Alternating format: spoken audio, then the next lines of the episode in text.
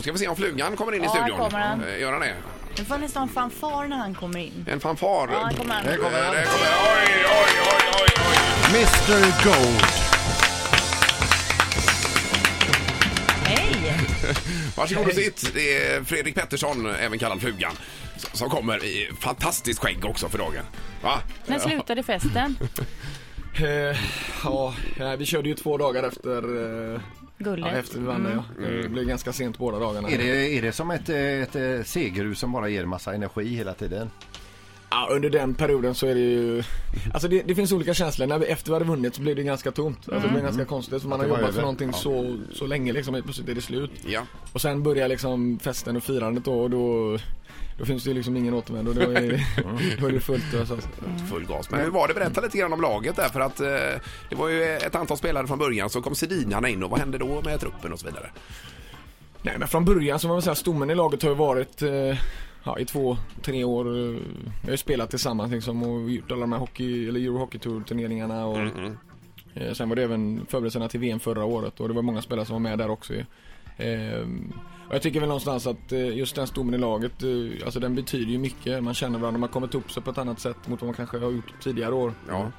Eh, sen började vi lite halvknackigt när VM drar igång det. Eh, Men det visade sig att Schweiz var ju rätt bra.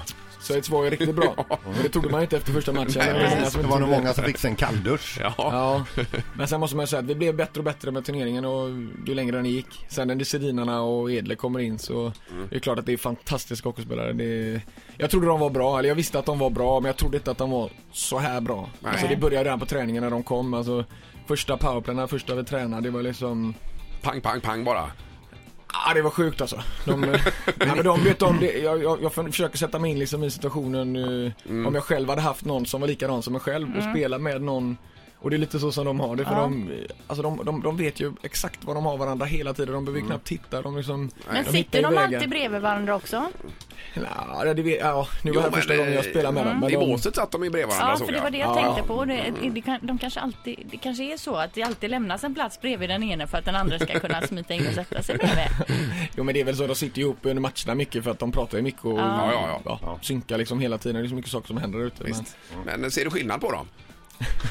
Jag sa nog fel 20 gånger som jag kom ut. Alltså även om man ser någon typ av skillnad på dem så, så säger du ju ändå fel namn. Ja, ja, man ja. Liksom, Nej, de är det ju extremt lika. Jag menar Joel och Henrik Lundqvist, det kan man ändå se. Ja, det ser man. Ja. Men, men här är det ju nästan omöjligt. Du, den, den här straffen du lägger, vilka var det som hörde av sig på, eh, nämn några som hörde av sig eh, på sms efter eh, straffen där, när du började titta på din mobil här. Oh, ehm, jag är inte helt säker men jag tror att jag, jag tror jag hade sex, 600 sms eller någonting. liknande just. Men det var ju mycket, det var ju klart det var mycket familj och vänner och Ja, ja.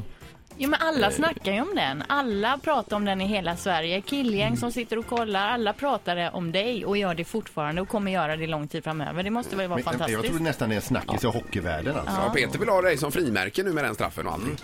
Ja, ja det, är, det är inte upp till mig, nej men det är inte upp till mig och med frimärket, det är klart att det är jätteroligt men eh, nej, just med straffen där så För mig, det, det blev ju mycket större än vad jag kanske någonsin hade kunnat tänka mig när jag väl glider ut det för jag, det var som jag sa till er förut, jag Jag hann liksom inte fundera så jäkla mycket och Jag tror inte man förstår riktigt heller kanske hur mycket det betyder just när du ska åka in liksom och, och skjuta straffen men För du trodde den, den andra skulle skjuta först va? Var det inte så? Ja, det blev ju ett byte där. Efter vi hade skjutit tre, de hade skjutit tre, så helt plötsligt byter vi och jag fick mitt besked att jag skulle skjuta ganska sent då, vilket gjorde att jag det var ju bara att gå ut och när du väl är ute så finns det liksom ingen återvändo. och med men- den typen av straff också så finns det ingen återvändo. Du har höjt klubban så Ja, det är svårt att avbryta den liksom. Ja, ja, Eh, att, eh, Men vilken känsla hade du i kroppen när du, när du eh, drog iväg skottet?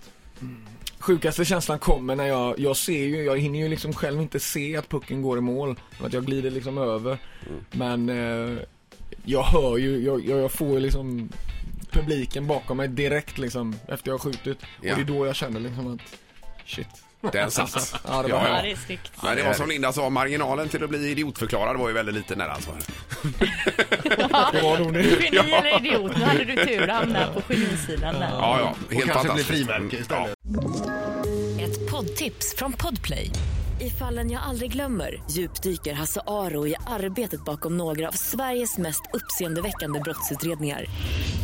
Går vi in med hemlig telefonavlyssning och, och då upplever vi att vi får en total förändring av hans beteende. Vad är det som händer nu? Vem är det som läcker? Och så säger han att jag är kriminell, jag har varit kriminell i hela mitt liv men att mörda ett barn, där går min gräns. Nya säsongen av Fallen jag aldrig glömmer på Podplay.